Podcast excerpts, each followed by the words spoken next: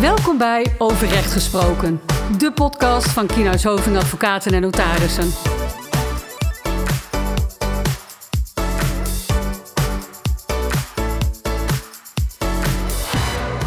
Ja, Erik Hollander. Vincent. Nemen wij De weer Groot. eens eh, samen een podcast op. Toch wel weer leuk. Zeker.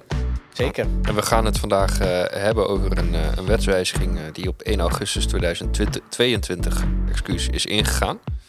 Zo is het. Ehm, en dan meer specifiek eigenlijk over de gevolgen van die wetswijziging voor het studiekostenbeding. Ja. Ja. Zo is het. Want hè, er is heel veel te zeggen over die wetswijziging die per 1 augustus is ingegaan. Meerdere dingen in de wet zijn veranderd. Maar wij willen echt nu ons echt inzoomen tijdens deze podcast van... Ja, de vraag is van wanneer kun je nou nog een studiekostenbeding afspreken? En Ja. Dus voor welke scholing, voor welke opleidingen is het nog toegestaan om het te doen? Want als je het niet mag, eh, Mhm. dan moet je het, als het dus onder die scholing valt, eh, eh, waarbij je dat eh, niet kunt doen, dan moet je het kosteloos aanbieden. En je moet er ook eh, voor zorgen dat het indien mogelijk, zoveel mogelijk tijdens de werktijd plaatsvindt. Even, Ja. Simpel gezegd. Ja, nee, heel goed. Dat denk ik ook. Ehm, studiekostenbeding, Erik. Ja, ja want we, zijn, we gaan wel heel snel. Dat Ja. klopt.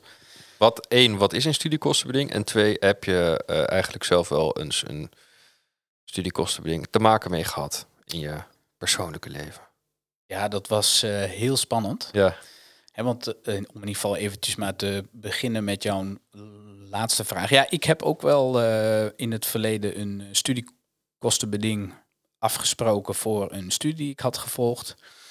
En eh, ja, dat is toen ook, daar moesten toen wel wat afspraken over worden gemaakt toen ik naar een ander kantoor ging. Ja. En ja, wat is precies een studiekostenbeding? Ja, dat is dus het beding waarin je, is een afspraak tussen werkgever en werknemer, waarin je afspreekt van nou, ik als werkgever betaal in principe deze studie voor jou, die jij nu volgt.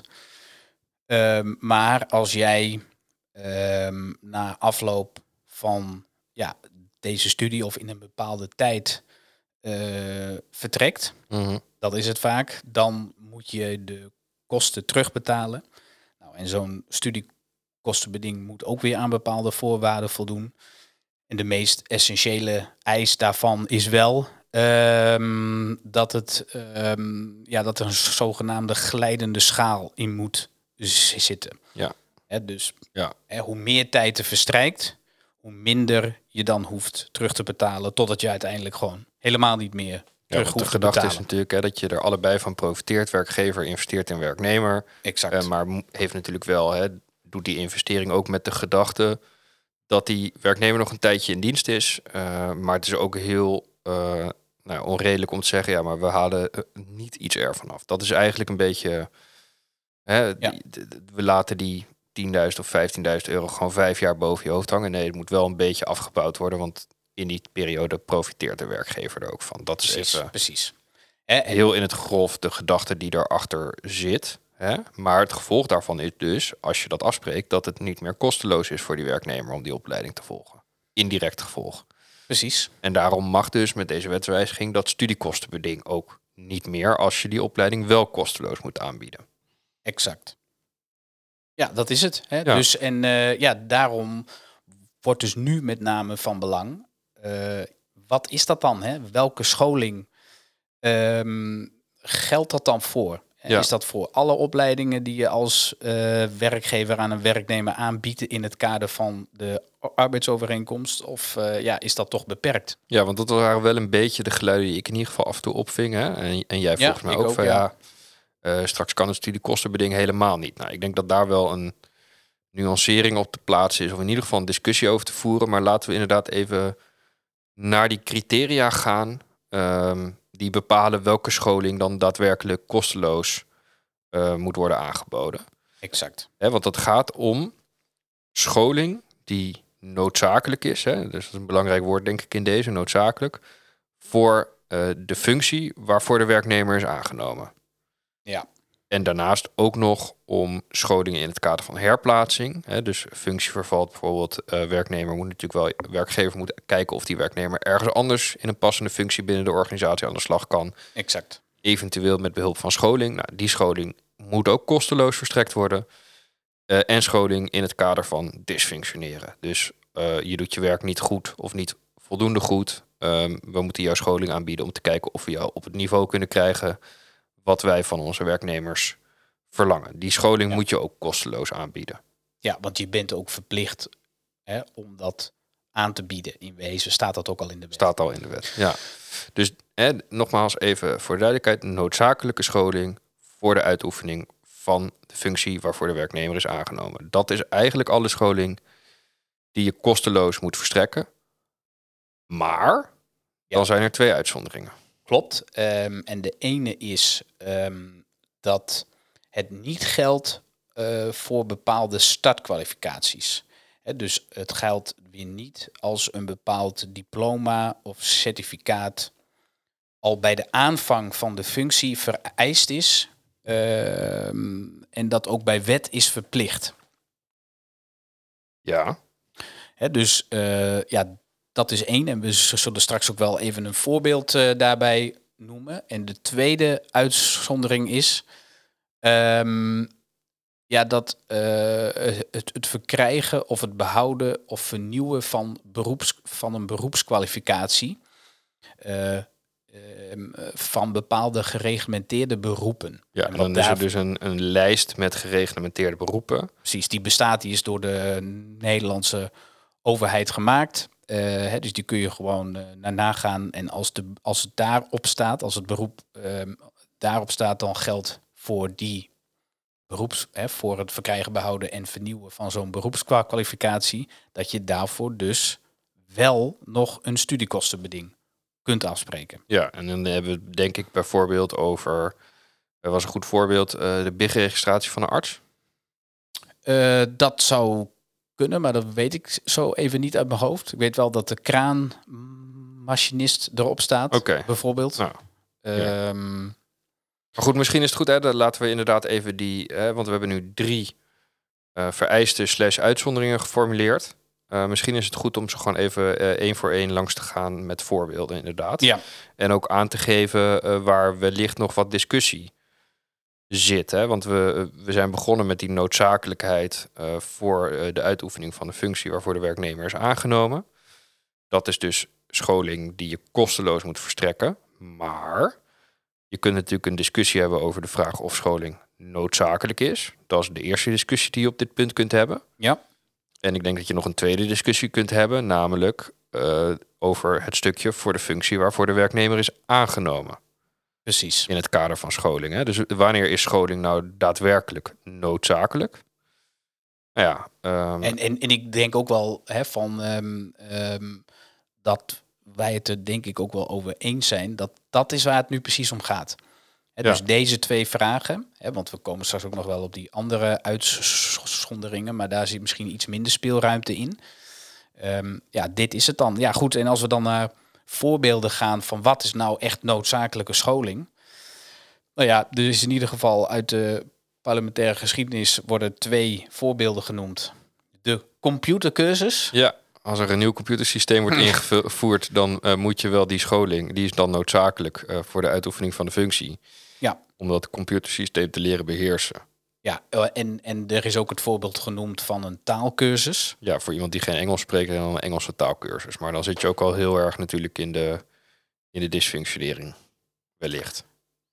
Ja, wellicht ja. Ja. Ehm, nou, Maar en, en, goed, Ja, en, en, en wat wij nog, hè, van wij zijn eh, advocaat en om ehm, niet van het tableau te worden geschrapt, eh, staat ook in de wet, of in ieder geval in, in een verordening, ja. dat wij eh, bepaalde opleidingsvereisten hebben, waarbij we bepaalde opleidingspunten moeten halen. Dus ja, dat is ook scholing die wij verplicht. Ja, daarvan zou ik ook menen dat dat wel noodzakelijk is voor de uitoefening van mijn functie als ik dat niet doe, schrapping boven het hoofd hangt. Ja, ja, dat zou jammer zijn. Ja, dat Ja. zou inderdaad eh, spijtig zijn. Maar goed, je Ehm, kunt misschien ook op scholing verzinnen die wel nice to have, maar niet eh, verplicht is. Precies. Hè? En ik denk dat je daar, daar kun je natuurlijk wel in spelen. eh, door wel scholing aan te bieden, maar bijvoorbeeld niet te verplichten. Hè? Ik denk dat je op het moment dat je echt iets onderdeel maakt van de functie, dan trek je heel gauw die noodzakelijkheid naar je toe. Mhm. Als je als werkgever eh, heel erg gaat sturen op het volgen van een specifieke opleiding en zeg ja, weet je, die moet je gewoon volgen, dan trek je wellicht ook vrij gauw de noodzakelijkheid naar je toe. Maar als je het wat vrijer maakt, eh, door aan te geven dat je bepaalde opleidingen mag volgen, of het tot op zekere hoogte misschien zelfs te stimuleren, ja, dan kun je denk ik een discussie voeren over de vraag of het nou echt noodzakelijk is voor de functie. Nee, maar dat is het. Hè? Dus zie jij zo ook een voorbeeld van wat nou, hè, waarvan je zegt van nou dat is goed voor de functie, Nou maar niet per se vereist. Kijk, het lastige is, dan verval ik natuurlijk altijd weer in, het voorbeeld, in ons eigen voorbeeld en in onze Ja, eigen dat is wel eh, vakgroep. een dat probleem is een beetje, vaak, beetje jammer. Ehm, maar je hebt natuurlijk bepaalde specialisatieopleidingen waarvan je zou kunnen zeggen, ja, weet je, dat is niet per se noodzakelijk voor eh, de uitoefening van de functie. Je wordt er wel beter van, je leert ervan en eh, je wordt er misschien nog een betere advocaat van. Maar je kunt ook zonder dat kun je prima advocaat zijn. Hè, dat is een functie, dat is een, een opleiding die niet noodzakelijkerwijs, nou, dat niet, niet noodzakelijk is.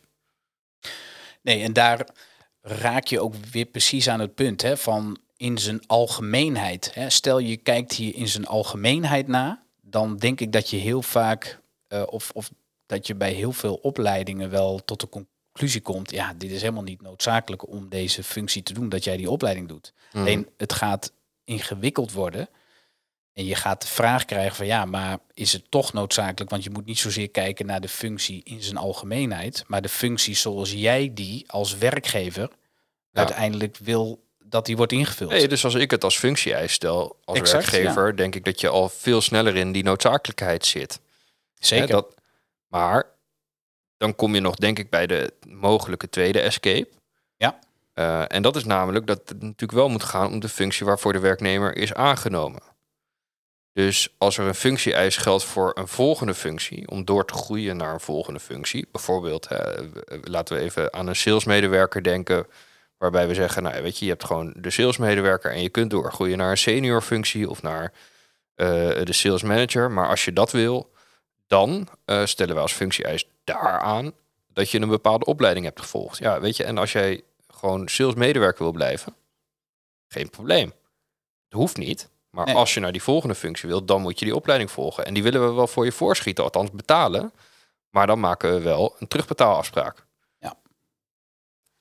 Dan kun je zeggen, denk ik, van, ja, weet je, dat is niet een opleiding die noodzakelijk is voor deze functie. Voor de functie waarvoor de werknemer is aangenomen. Dus zou je daarvoor eh, waarschijnlijk, tenminste als je de wettekst zo leest, best een studiekostenbeding kunnen afspreken. Ja, dat eh, precies. Ik denk ook dat dat verdedigbaar is. En ik denk dat je ook zult zien hè, van ook weer. Maar goed, de vraag is dan, maar dat is meer een hele juridische discussie of het dan in het noodzakelijkheidscriterium zit of in het functiecriterium. Ja. Maar ik denk wel van, hè, van beide komen op hetzelfde neer. Op het moment dat jij het heel erg als werkgever gaat, ja, toch min of meer gaat opleggen.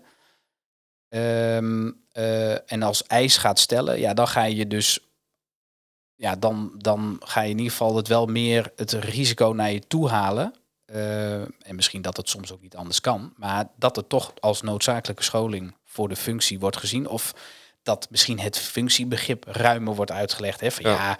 maar we hadden beoogd dat jij ehm, eh, Die doorgroei zou maken. doorgroei zou maken, inderdaad. Ja. Dat is het. Nee, dat klopt. Dat is, maar dat zijn de discussies. Maar goed, daar kun je inderdaad. Daar zit wel ruimte bij allebei, denk ik. Precies. Nou, dan kunnen we denk ik ook wel gaan even naar een voorbeeld van ehm, de uitzondering daarop. Ja, de uitzondering van de startkwalificatie hebben we het dan specifiek Precies. over. Want het is dan dus eh, sommige bij wet verplicht, althans, het is in sommige gevallen bij wet verplicht dat er een bepaalde opleiding moet worden gevolgd of moet zijn gevolgd voordat je aan dat beroep mag beginnen. Ja, je Door moet dan een, een Startkwalificatie. Precies, hè? dus dat vereist is bij wet dat jij een bepaald diploma of een bepaald certificaat hebt behaald. Ja, en jij noemde er eh, volgens mij net al één. Ja, dat Nee, was is niet meer. waar. Dat was bij de, de volgende uitzondering. Excuus. Nee, ja, hier zou je bijvoorbeeld kunnen denken aan eh, de vrachtwagenchauffeur. Eh, je moet een rijbewijs hebben om een vrachtwagen te mogen besturen. Dus dat is in zekere zin een, startkwalificatie. Ehm, maar in ieder geval valt daar, blijkens eh, de gesprekken daarover in, in het parlement destijds, hè, dat eh, docent een voorbeeld van eh, een startkwalificatie is. Dat je een docentenopleiding moet hebben gevolgd voordat je eigenlijk docent, bevoegd docent kan zijn. Ja, en, en het, het, het, het meest essentiële punt is dus is dat de, dat vereiste echt uit de wet moet volgen. Ja. Uit de wet in brede zin, maar Ja. dan, hè, dat die verplichting er echt is dat je dat diploma moet hebben om de functie te kunnen uitoefenen. Exact. Dus in zover is dat wel beperkter. Ja, en in deze zin, hè, het gaat dus wel om eh, scholing noodzakelijk. Ook voor de uitoefening van de functie voor, waarvoor je bent aangenomen. Maar omdat het een startkwalificatie is die in de wet vast ligt, mag je er toch een studiekostenbeding voor afspreken. Precies. Ja, nee, dat is een goede toevoeging.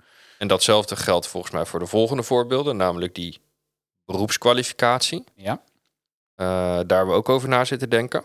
Ja, en ja, daarvan, ehm, hè, dat is dus die beroepskwalificatie, waarbij er dus een lijst is waarop allerlei beroepen staan.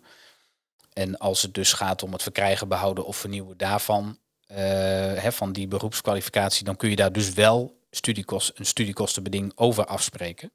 En eh, nou ja, we hadden volgens mij al de kraanmachinist genoemd, maar bijvoorbeeld de beëdigde tolk staat er ook op. Ja. En, ehm, ja, wellicht dat er ook in de toekomst dat die lijst ook een uitbreiding krijgt. Hè? Dat zou ook maar zo. eh Ja, dat zou ook acht zo ik ook kunnen. niet eh, onmogelijk. Ja, ja oké. Maar goed, dan hebben we dus inderdaad de voorbeelden. Ik denk dat de, de conclusie die we dan kunnen trekken... en die je net ook al misschien voorzichtig hebt getrokken... is dat de meeste ruimte zit in de uitleg van het noodzakelijkheidscriterium... eh, en of eh, de functie waarvoor de werknemer is aangenomen. Ja, Eh, daar kun je wellicht tot op zekere hoogte, ja, om het maar zo te noemen, mee spelen. Daar heb je invloed op als werkgever. Kijk, je hebt geen invloed op die lijst. Ja, tenzij je een hele sterke lobby hebt, maar voor de rest niet. nee. Dus het zit er met name in hoe noodzakelijk maak ik nou die opleiding voor die functie. Ja. En daar zit, denk, daar zit, denk ik, kunnen we concluderen ruimte. Ja, omdat, hè, ook al we- weten we dit nog niet, hè, ehm, maar het lijkt er wel op, nou, ik- hè, van, van dat het wel echt om gaat van de functie bij jou als werkgever. Ja. En dus niet dat je kunt zeggen, ja, maar in zijn algemeenheid heb je die functie niet nodig. Hè. Op het Ja. moment dat jij het als eis stelt, ja, dan ehm, denk ik dat je al heel snel in die hoek terechtkomt. Ja, dus daar moet je over nadenken. Hoe, hoe, hoe, doen, hoe doen we dat? Hè? Ja. Ja. Nou ja, goed. Dus dat is volgens mij hè, de conclusie die we eh, dan daaruit kunnen trekken. En wat zijn dan de tips? Nou ja, de, de, de, de tip is van dat wees voorzichtig ehm, met het opnemen van een bepaalde opleiding in je functieprofiel. Als dat een opleiding is die jij juist aan het begin wilt aanbieden. Als dat een dure opleiding is die jij ehm, aan je nieuwe werknemers aanbiedt. Ehm, ja, dan is het wel. Ja, dan, dan zou, wanneer je de mo- mogelijkheid hebt, ik probeer even de juiste woorden te vinden, maar als je de mo- mogelijkheid hebt om dat niet zo sterk aan te zetten, dan zou ik het niet opnemen in mijn functieprofiel, dat jij dat vereist. En Ja. het toch proberen, eh, voor zover dat natuurlijk ook echt zo is, van ja, nee, wij vinden het heel, hè, wij bieden jou die mo- mogelijkheid, dus ook een investering in jouzelf. Ehm, hè, het biedt je ook mo- mo- mogelijkheden daarna. Wij, het is ook niet zo dat wij per se verlangen dat je die opleiding doet, maar we willen je wel eh, die gelegenheid geven. Ja. Ja, ik denk als je hem zo kunt inkleden, dat je in ieder geval al wel jezelf meer een sterkere positie geeft, eh, dat het niet noodzakelijk is dan wanneer je heel duidelijk stelt van ja, maar ik wil alleen maar mensen in dienst hebben die deze opleiding doet. En anders, ja, daar is de uitgang, zeg maar. Hè? Ja. ja, dat is denk ik een goede tip. Dus denk erover na wat je aan opleidingen als vereisten stelt in je functieprofielen. En eh, hoe je dat eh, dan vorm wil geven. Waarbij niet gezegd is dat het überhaupt niet meer kan en dat je het altijd naar binnen trekt. Maar denk er gewoon over na in dit kader. Ja. Nou, dankjewel Erik. Ja, nou, wat eh vind je ervan? Ja, ik denk dat we, ik hoop in ieder geval dat we een ingewikkeld stukje wetgeving, wat absoluut duidelijker opgeschreven had kunnen worden, toch enigszins naar iets praktisch hebben vertaald. Ja, precies wel. Hè? Want we de, de, de gaan hier achter, denk ik, hele juridische discussies schuil over hè, hoe, hoe staat het in de wet en wat is dan allemaal bedoeld. Nou, dat wilden we jullie, eh, of dat wilden Ja. we jou besparen. Ja. Ehm, dus ja, ik hoop dat dat eh, ook een beetje is eh, gelukt. Ik ook. En verder op naar de volgende, zou ik zeggen. Ja, dat denk ik ook. Ja, heel goed. En voor onze luisteraars, voor jullie nog even, hè, abonneer je op deze podcast. Eh, volg ons op Instagram, uh, overrecht gesproken. En eh, mocht je nog een vraag hebben of een suggestie voor een eh, onderwerp voor een aflevering, stuur een mailtje naar podcast.kienhuishoving.nl. En tot de volgende keer. Jo. Dit was Overrecht Gesproken, de podcast van Kienhuis Hoving. Heb je vragen of wil je meer informatie? Stuur dan een e-mail naar podcast.kienhuishoving.nl Wil je niets missen? Abonneer je dan op onze podcast via jouw favoriete podcast-app.